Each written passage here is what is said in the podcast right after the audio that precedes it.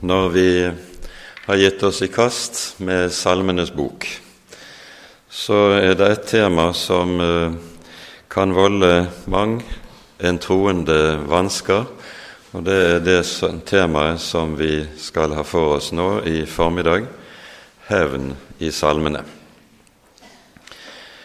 Vi kan eh, eksemplifisere noe av dette med enkelte utvalgte tekster fra salmene. I eh, Salme 139 leser vi henimot slutten slik Å Gud, om du ville drepe de onde, dere blodtørstige menn, vik fra meg. Det er de som taler imot deg, i ondskap og misbruker ditt navn til løgn, dine fiender. Herre, skulle jeg ikke hate dem som hater deg, og avsky dem som reiser seg imot deg? Jeg hater dem med et fullkomment hat. De er mine fiender. I eh, Salme 55 leser vi eksempelvis slik i vers 16, der David ber slik La ødeleggelse komme over dem, la dem fare levende ned i dødsriket. For ondskap hersker i deres bolig, i deres hjerte. Hopper vi til Salme 58 så leser vi slik i vers 11.: Den rettferdige skal glede seg når han ser gjengjeldelsen. Han skal vaske sine føtter i de ugudeliges blod. Og menneskene skal si, sannelig, den rettferdige får sin lønn. Det er sannelig en Gud som dømmer på jorden. Det er ikke vanskelig å mangfoldiggjøre disse eksemplene som vi her har trukket frem fra enkeltvers i Salmenes bok. Og Dette er tekster som umiddelbart volder en kristen vansker når han leser det i dag. Hvordan skal vi forstå dette? Det har ikke vært uvanlig innenfor teologien å tenke som så at dette er rester av førkristen tenkning som vi må sette en tykk strek over i den nye pakts tid. Dette er noe som tekster som vi slett ikke kan regnes som en del av Guds ord, men som eh, bærer preg av sin tid på en måte som gjør at vi i dag må bare legge det til side og tenke 'dette angår ikke oss'. Men slike tekster de representerer altså noe av en vanske når man skal arbeide med Salmenes bok. Og det gjør at for svært mange kristne er det slik at uh, det er en god del salmer man rett og slett ikke leser og beskjeftiger seg med, man velger i stedet ut en rekke salmer der en ikke finner tilsvarende ord eller tilsvarende vers. Det andre legges til side.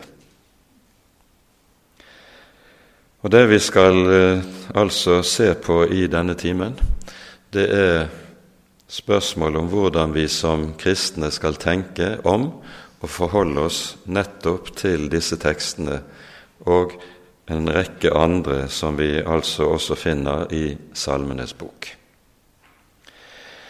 Og Vi skal begynne med at vi går til Det nye testamentet. I eh, apostelgjerningene i kapittel 1 så hører vi Peter sitere fra en av disse såkalte hevntekstene i Det gamle testamentet, eller i Salmenes bok.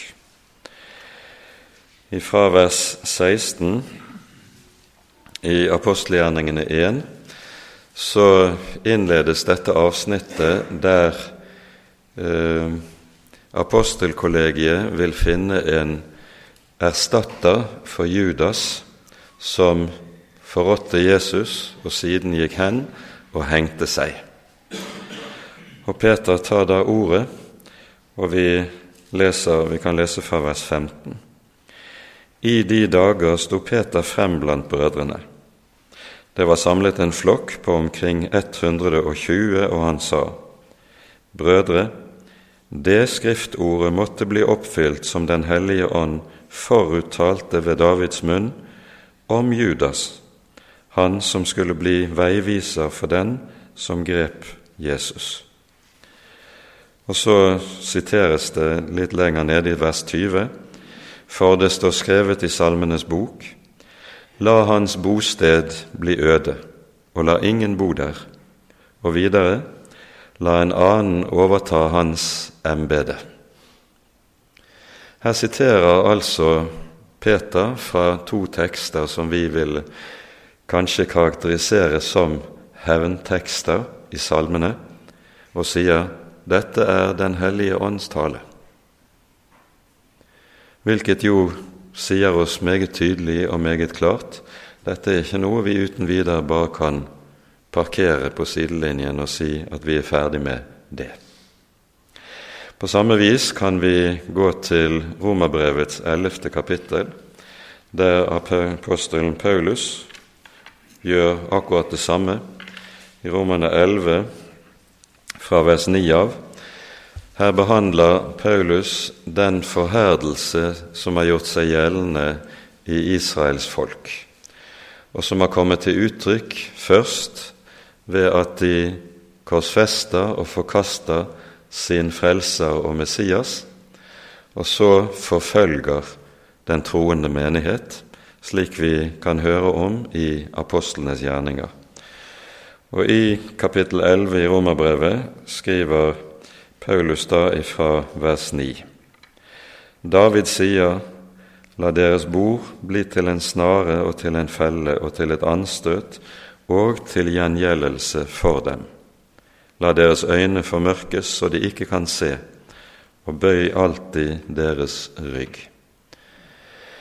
Begge disse sitatene, både fra apostelgjerningene 1 og Romerne 11, er hentet fra Davids salme 69.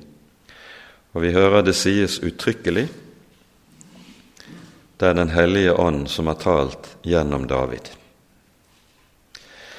En annen tekst som vi kanskje skal ta med oss også i denne sammenheng, det, den finner vi i åpenbaringsbokens sjette kapittel.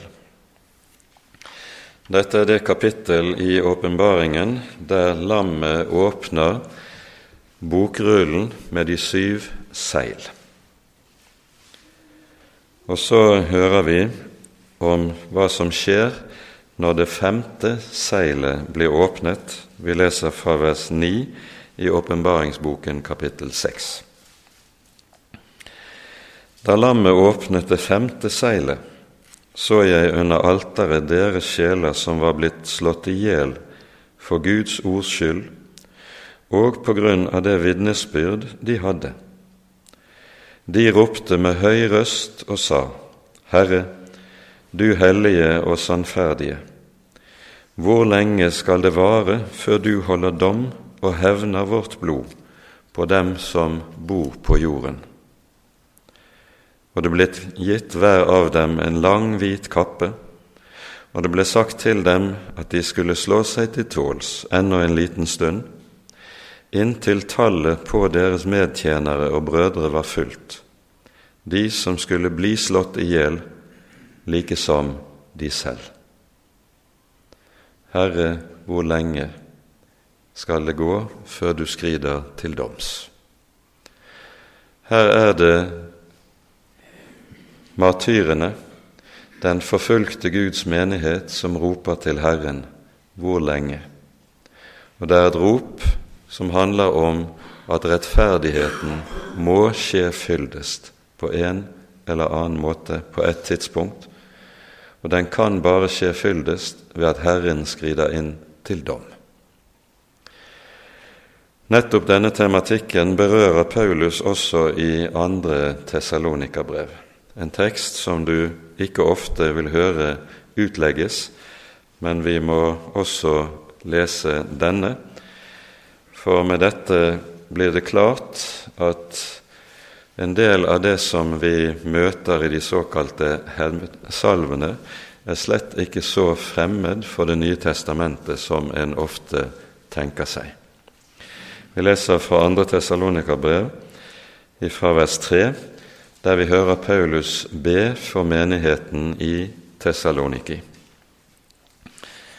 Vi skylder alltid å takke Gud for dere brødre, som rett og riktig er, for troen vokser rikt hos dere, og kjærligheten dere imellom blir større hos hver enkelt av dere. Derfor kan vi selv rose oss av dere i Guds menigheter på grunn av den tålmodighet og tro dere viser i alle de forfølgelser og trengsler som dere holder ut. Dette er et varsel om Guds rettferdige dom. I den skal dere finne, finnes verdige til Guds rike, som dere nå også lider for. For det er i sannhet rettferdig av Gud å gi trengsel til gjengjeld for dem som fører trengsel over dere. Men dere som lider trengsel, skal Han gi ro sammen med oss. Dette skal skje når Herren Jesus åpenbarer seg fra himmelen med sin makts engler. Han kommer med flammende ild og tar hevn over dem som ikke kjenner Gud, og over dem som ikke er lydige mot vår Herres Jesu Kristi evangelium. Den straff de skal lide, blir en evig fortapelse borte fra Herrens åsyn og fra Hans makts herlighet, den dag Han kommer for å vise seg herlig i sine hellige og underfull i alle som tror. For dere trodde vårt vitnesbyrd til dere. Her taler også apostelen inn i en situasjon der en menighet lider forfølgelse for Jesu navns skyld.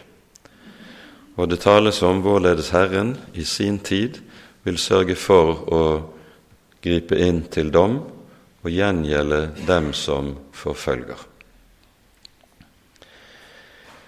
Vi har jo for vårt vedkommende levet i fred og ro som kristne i våre land gjennom århundrer. Og eh, når vi møter slike tekster, så synes vi dette kan bli vanskelig. Og enda skarpere stilles det altså i relieff i de tekstene som vi står overfor i Salmenes bok. Og Da tror jeg vi skal stille oss selv spørsmålet når vi synes det er noe som er vanskelig å komme til rette med i vår bibel. Hvordan forholder vi oss da til det? Skal vi forholde oss slik at vi parkerer det bare på sidelinjen? Eller skal vi spørre oss selv er det kanskje våre tanker som ikke stemmer med Guds tanker, og at vi egentlig er på avveie med våre tanker. Det spørsmålet er vi alltid nødt til å stille oss selv dersom vi har problemer med å komme til rette med Bibelens tekster. For vi vet litt for godt hva som skjer der så ikke er tilfellet. For der en begynner med å parkere ulike bibeltekster, der fører det alltid til ulike former for frafall i sin konsekvens. Først faller tanken fra, og etterpå så faller hjertet fra. Og Det som kanskje er noe av vårt problem i møte med denne typen tekster i vår bibel, det er for det første at troen i dagens kristenhet altfor ofte er blitt sentimentalisert. Og for det andre så opererer vi altfor ofte med et gudsbilde der Gud tegnes som en hyggelig humanist der oppe i himmelen, hvilket i sin konsekvens også innebærer at de tekster der det er tale om Guds dom som sådan, de blir vanskelige. Og så må vi stille oss spørsmålet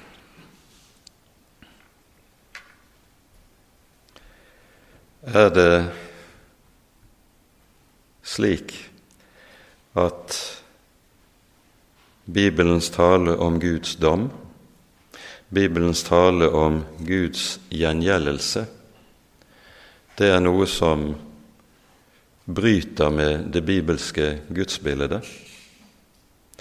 Dette er jo en tematikk som ble satt på spissen i, på 50-tallet, da biskop Skjeldrup, etter å ha hørt Hallesby sin tale på radiotale om eh, faren for å styrte i helvete,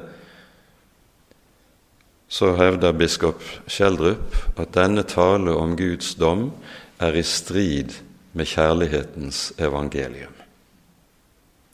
Og så setter han opp imot hverandre disse to, Bibelens budskap om Guds nåde og Guds kjærlighet, og Bibelens tale om Guds gjerning til dom, som en motsetning der disse to gjensidig utelukker hverandre. Man fikk den såkalte helvetestriden på 50-tallet, som satte dype fotspor i norsk kristenliv, og for en stor del hadde til følge at i hvert fall på prestenes prekestoler så kom budskapet om Guds gjerning til dom til å bli fortidd i mange tiår i etterkant.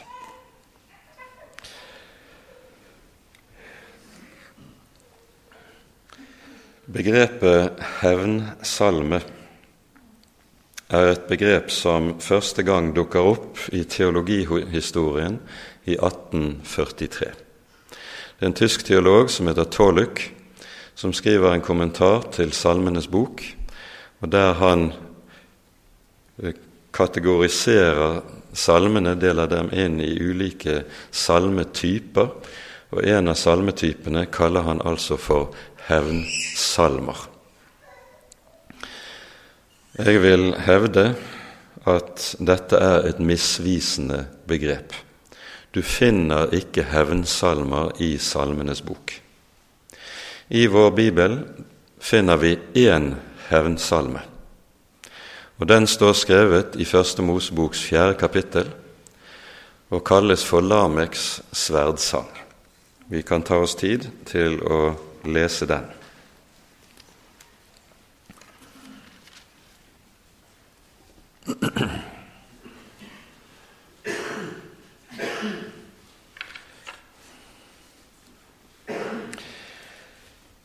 I Første Mosebok kapittel fire er det jo vi hører om brodermordet, Kain som slår Abel i hjel. Og så hører vi om Kains etterkommere. Og en av den siste, den siste av Kains etterkommere som nevnes, er Lamek. Og fra vers 23 i Første Mosebok 4 leser vi Lamek sa til sine hustruer Ada og Silla, hør min røst Lameks hustruer, lytt til min tale.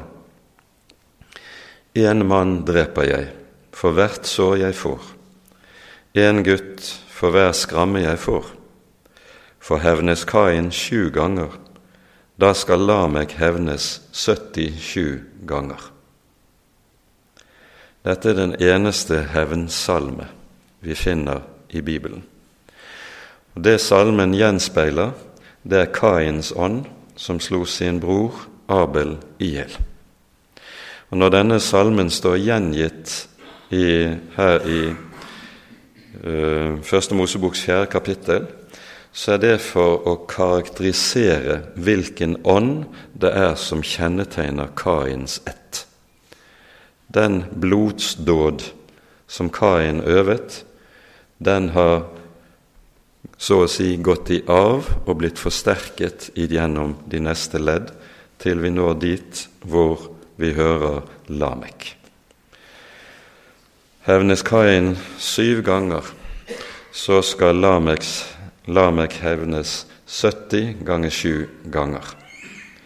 Antagelig er det disse tallene vår Herre Jesus har i minne når Peter stiller Jesus spørsmålet Hvor mange ganger skal jeg tilgi min bror? Så meget som syv ganger? Hvorpå Jesus repliserer Nei, ikke syv ganger, men 70 ganger syv ganger.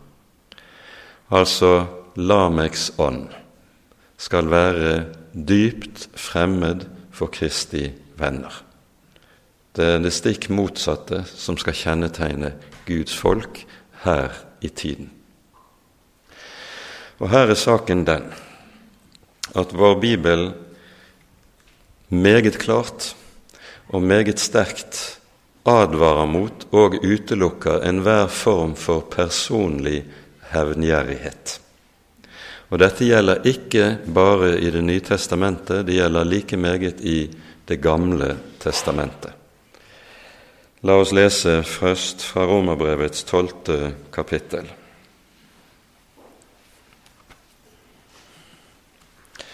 Her skriver apostelen Paulus først slik i vers 17.: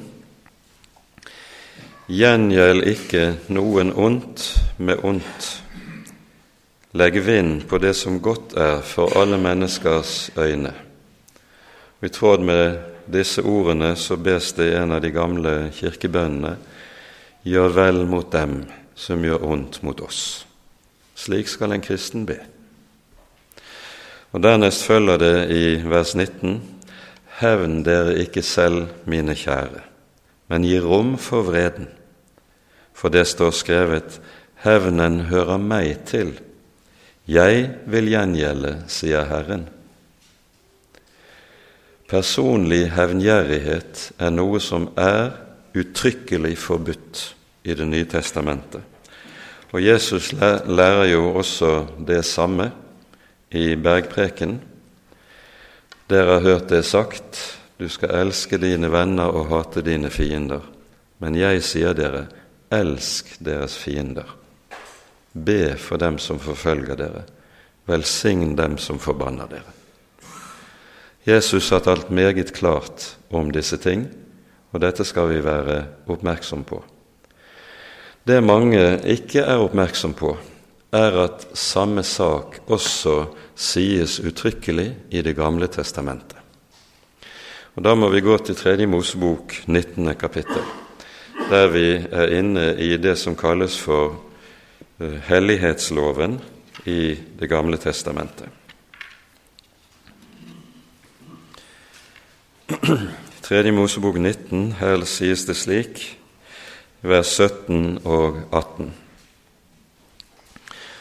Du skal ikke hate din bror i ditt hjerte, men du skal irettesette din neste for at du ikke skal få synd på deg for hans skyld. Du skal ikke hevne deg, og du skal ikke gjemme på vrede mot ditt folks barn, men du skal elske din neste som deg selv. Jeg er Herren. Altså, dette som kalles for den gylne regel du skal elske din neste som deg selv. Hva du vil Det du vil neste, som skal gjøres mot deg, skal du gjøre mot din neste. Dette er gitt allerede i Det gamle testamentet. Det er ikke noe nytt som Jesus kommer med i bergprekenen. Men altså, du skal ikke hevne deg og ikke gjemme på vrede mot ditt folks barn. Og hvorfor er det slik? Fordi hevnen hører Herren til. Den er ikke noe som skal ligge i menneskets hånd, den skal ligge i Guds hånd. Vi har et veldig sterkt og talende eksempel på nettopp dette i fortellingen om David i Samuelsbøkene. I 1. Samuels boks 24. kapittel hører vi om David og Saul. Saul har allerede i, gjennom lang tid forfulgt David på livet løs. Han søker på enhver måte å få tatt David av dage. Og David er på flukt. Og denne tiden David er på flukt, det er antagelig i flere år, hvor han så å si svever mellom liv og død. Han går med livet i sine egne hender, sier han i en sammenheng. Så skjer det en dag at Gud gir Saul i Davids hånd. Dette skjer når David er i hulen ute i Judeas ødemark. Og så sier Davids, hvisker Davids menn til ham som er inne i hulen, nå har Herren gitt ham i din hånd. Nå kan du ta ham av dage. David vil ikke, for han vet at dette er ikke etter Guds vilje. Og så leser vi fra Davids ord fra det tiende verset i Første Samuels bok, kapittel 24. Der, etter at Saul har gått ut og er kommet litt på avstand, så går David også ut av hulen og roper ned til Saul. Og Saul snur seg og oppdager David bak seg. Og David sa til Saul, hvorfor hører du på folk som sier, David søker din ulykke? Se, nå har du jo med egne øyne sett at Herren i dag hadde gitt deg i min hånd i hulen og det var tale om å drepe deg. Men jeg hadde medynk med deg og sa, Jeg vil ikke legge hånd på min Herre, for Herren salvede er Han. Og jeg sa, Men se, min far, se, her er fliken av kappen din i min hånd. For når jeg skar fliken av ytterkappen din og ikke drepte deg, så kan du vel skjønne og se at jeg ikke har hatt noen misgjerning eller noe ondt i sinne. Jeg har ikke forsyndet meg mot deg, enda du etterstreber meg og vil ta mitt liv. Herren skal dømme mellom meg og deg, og Herren skal hevne meg på deg, men min hånd skal ikke ramme deg. Det er bestemte ting i som Gud har forbeholdt seg selv i Skriften, og ikke gitt i våre hender. Han som har gitt livet, har forbeholdt seg å være den som også tar det tilbake når tiden er der. Og det samme gjelder hevnen. Hevnen er noe som ikke skal ligge i vår hånd, den er noe som skal ligge i Herrens hånd. Han er den som skal fullbyrde rettferdighet på jorden. Ivar P. Seierstad, den gamle lærer i Det gamle testamentet på Menighetsfakultetet, han skriver slik om dette. Der de fromme i salmene roper på Guds gjengjeldelse, har de på forhånd gitt avkall på egen hevn. Og nettopp det er poenget i dette. Og saken er den at de som roper til Gud om at Han skal gripe inn til dom, til å straffe, det er de fattige, de små og de hjelpeløse, de som selv er ute av stand til å hevde sin rett. Det er de som kalles for de fattige, evionim, eller de nedbøyde, anijim, i den hebraiske grunnteksten. Og i Salme 35 vers 10 sies det om Herren Du er den som utfrir den elendige fra den som er ham for sterk. Nettopp det er bakteppet for det vi møter i salmene, der salmisten roper 'Herre, grip inn til dom'. Et annet viktig poeng som det er avgjørende å være oppmerksom på når det gjelder salmene, det er at forskjellen mellom den gamle og den nye pakt En av de viktigste forskjellene mellom disse to, det er at Det gamle testamentets Israel er et teokrati. Det er ikke utelukkende et åndelig rike, men Gud etablerer sitt rike med en jordisk nasjon. Det er en nasjon som er omgitt av andre nasjoner, og stadig utsatt for andre nasjoners fiendskap. Når Det nye testamentet trer i kraft, den nye pakt trer i kraft, så sier vår Herre Jesus i forhøret for Pilatus Mitt rike er ikke av denne verden. Og Dermed så opprettes det et fundamentalt skille mellom det Guds rike som Jesus kommer med i den nye pakt, og det som Guds rike som gjaldt i den gamle pakt. Det gamle testamentets Israel var på mange måter et rike av denne verden. Og Derfor finner du i Det gamle testamentet ikke, slik som vi tenker når det gjelder den nye pakt, et skille mellom det åndelige og det verdslige regimentet. De to utgjør en enhet i den gamle pakts tid. Og Dette kommer til uttrykk på flere måter. For det første, i Salmenes bok er det slik at Israels folk stadig er gjenstand fra sine naboers fiendskap. Vi hører ofte om krigene i Det gamle testamentet. Etter utgangen av Egypt må de Israel møte fiendskapet fra Edom, fra Moab og fra Aman. Senere fra Syria, og etter hvert kommer de store verdensrikene inn på arenaen med Assyria og Babylon. Israel er Guds folk, men samtidig altså en nasjon som er utsatt fra fiendskap fra sine naboer. Og som nasjon så er det et folk som også må verne seg på samme måte som enhver nasjon må gjøre det, med militærmakt og med våpenmakt, og har rett til det, ifølge Guds ord. Men i tråd med dette så finner du også at en del av salmene i Salmenes bok er det vi kaller for nasjonale klagesalmer.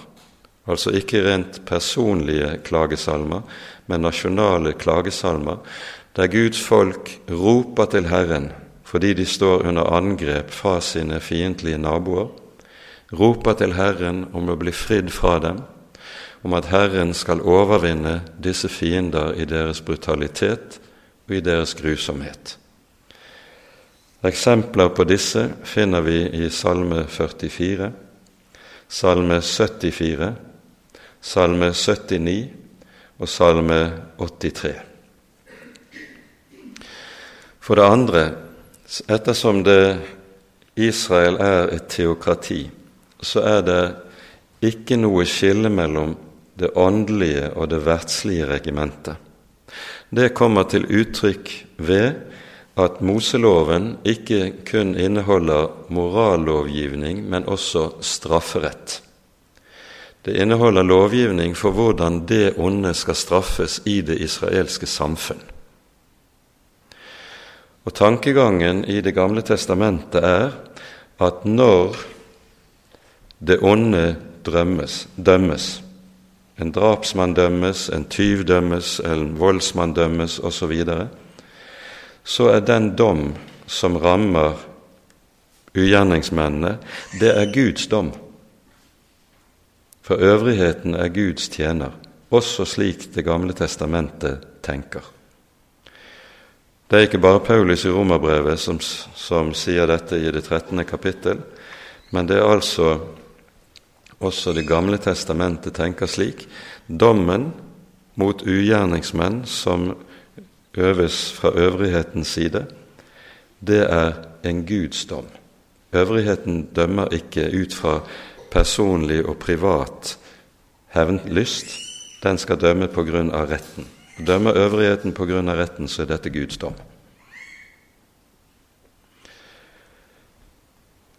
Her står vi i vår tid overfor noe av det som er et veldig problem i um, mye av mentaliteten som vi møter i tidsånden. Har Gud i det hele tatt lov til å gi lover for menneskenes liv og atferd? Jeg er min egen lov. Det er det vanlige å tenke. Og det at Gud våger seg til og drister seg til å gi lover for menneskets liv, og i tillegg sier meget tydelig at den som ikke følger min lov, er underlagt min dom. Det er noe det moderne mennesket reagerer meget skarpt på. Og Dette fører til en fristelse i mang en kristen sammenheng at en ber om unnskyldning på Guds vegne når han griper inn til dom. Hva er det en da i realiteten gjør? Da sier en i realiteten at når Gud dømmer, når Gud ved sine dommer gjenreiser rettferdigheten, da er dette noe som egentlig ikke er godt. Men tror vi, slik som Bibelen lærer oss, at Gud er god i alt han gjør, da betyr det at hans godhet også er det som gjennomstrømmer rettferdigheten når han dømmer.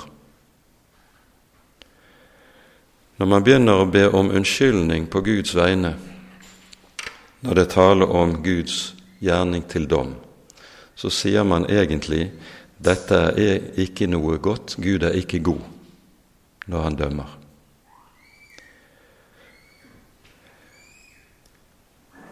Her er det slik at Bibelen lærer oss meget tydelig at Gud, fordi Han er både den hellige og den nåderike, den kjærlige. Han er kjærlighet. Fordi han er begge deler, så utfører Gud alltid to gjerninger. Han døder og gjør levende, fører ned i dødsriket og fører opp igjen, osv. Og det er den samme Gud som gjør begge gjerninger, og det er hans samme godhet som også gjennomstrømmer det samme. For er ikke Gud god når han gjenreiser retten og rettferdigheten på jorden? Her er det viktig at vi tenker bibelsk, og ikke tenker i tråd eller ut fra vår tids måte å tenke på. Så møter vi i Salmenes bok en rekke benevnelser eller navn på Herren i tråd med det vi nå har vært inne på.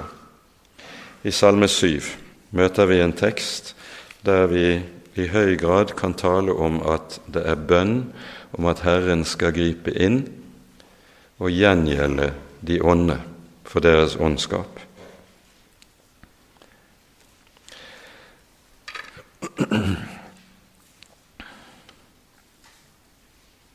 Vi kan lese fra vers 10 til vers 13. Det er David som ber, og roper han, og la de ugudeliges åndskap få en ende, og la den rettferdige stå fast. Du er jo den som prøver hjerter og nyrer, en rettferdig Gud. Mitt skjold er hos Gud, som frelser de oppriktige av hjertet. Gud er en rettferdig dommer og en Gud som vredes hver dag. Dersom han ikke omvender seg, da kvesser han, altså Gud, sitt sverd, da spenner han sin bude og sikter den inn. Her i vers 12 brukes en bestemt betegnelse på Herren som er uhyre viktig, både i Salmenes bok og i profetenes forkynnelse. Gud er en rettferdig dommer. Shofet tzadik på hebraisk. Og når Gud griper inn til dom, så er det nettopp det at retten og rettferdigheten gjenreises. Og så merker vi oss hva som også sies i vers 13. Dersom han ikke omvender seg, altså dersom den ugudelige ikke omvender seg, da kvesser han sitt sverd. Da spisser han sine piler. Gud vil at den ugudelige skal vende om. Dette sies uttrykkelig i en rekke sammenhenger i vår bibel. Gud har ikke lyst til den ugudeliges død, men at han omvender seg og får leve. Men dersom han ikke vil omvende seg, da sier, sies det, da kvesser Herren sitt sverd. Da skrider han til dom. En annen betegnelse som anvendes på Gud i Salmenes bok, og som vi her skal ta med oss, den finner vi i Salme 94, som kanskje er en av de salmene som er skarpest i, med tanke på det som er vårt tema i denne timen.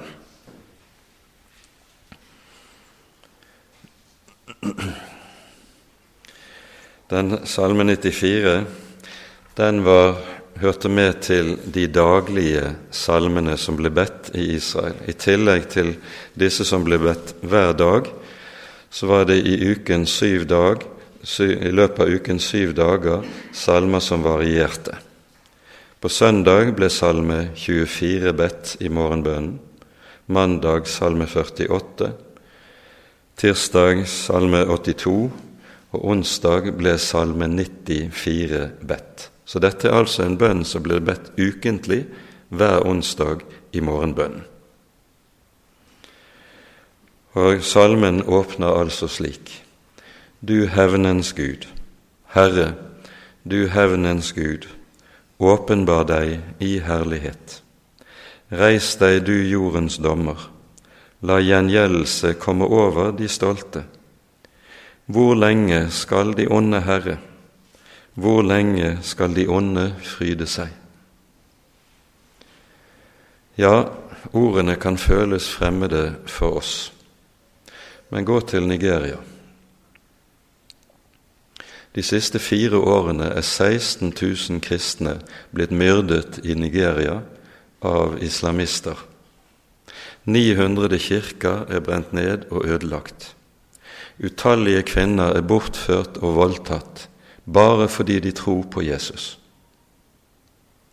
Da kan vi forstå at en slik bønn som vi møter her, den er i høy grad berettiget.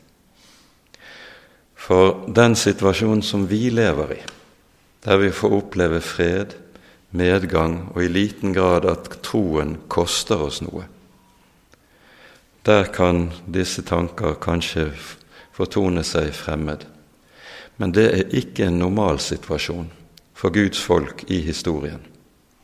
Normalsituasjonen for Guds folk er nettopp det å møte fiendskapet. Det samme fiendskap som Kain sto overfor sin bror Abel med. Et fiendskap som henger sammen med at Abels offer ble tatt imot av Herren men Kains offer ble avvist. Det er ugudeligheten som hater den gudfryktige. Dette er på sett og vis normalsituasjonen i Guds folks liv. Og Derfor er denne bønnen Hvor lenge, Herre? Hvor lenge skal de ugudelige fryde seg? Hvor lenge skal de få lov til å holde frem slik som de gjør? Hvor lenge? Vil du ikke en dag gripe inn til dom? Vil du ikke la det de har gjort mot oss, falle tilbake over deres eget hode? Vil ikke det være rettferdig? Slik ber salmisten, og dette hører altså med som en avgjørende side ved Guds folks liv, der de opplever nettopp dette som vi har eksemplifisert ved situasjonen i Nigeria.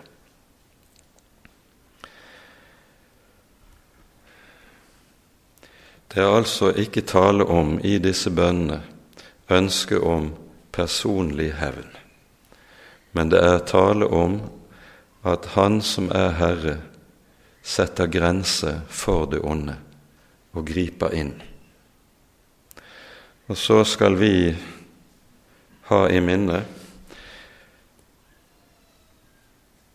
ordene fra Davids salme 50, der vi hører på slutten Unnskyld, ikke Davids salme, det er Asaf som har skrevet salme 50. Der Herren taler til sitt folk og sier Du tenkte jeg var som du, men jeg vil straffe deg og stille det frem for dine øyne.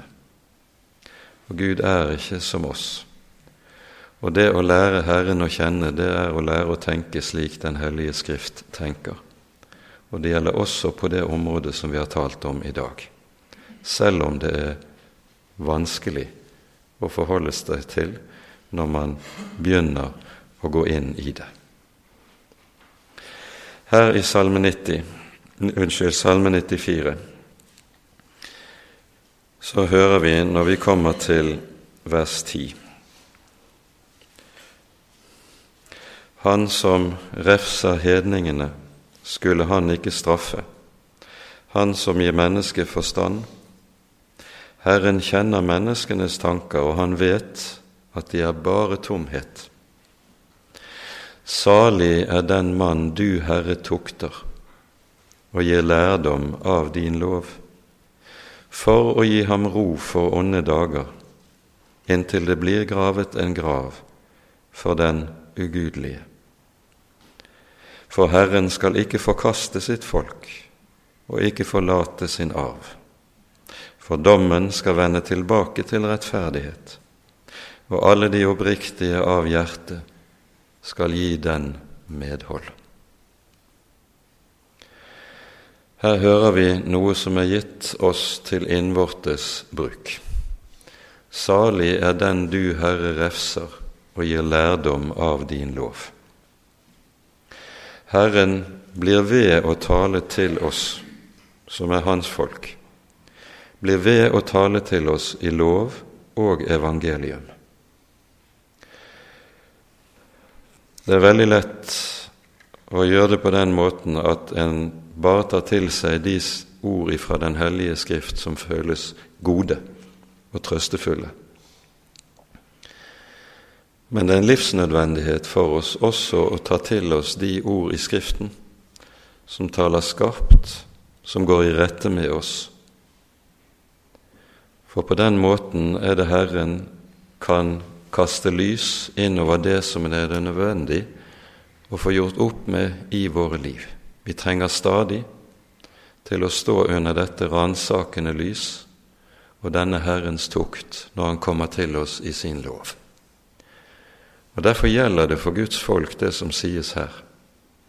Salig er den mann som du tukter og gir lærdom av din lov. Hva er Guds hensikt med dette?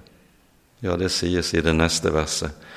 For å gi ham ro for onde dager.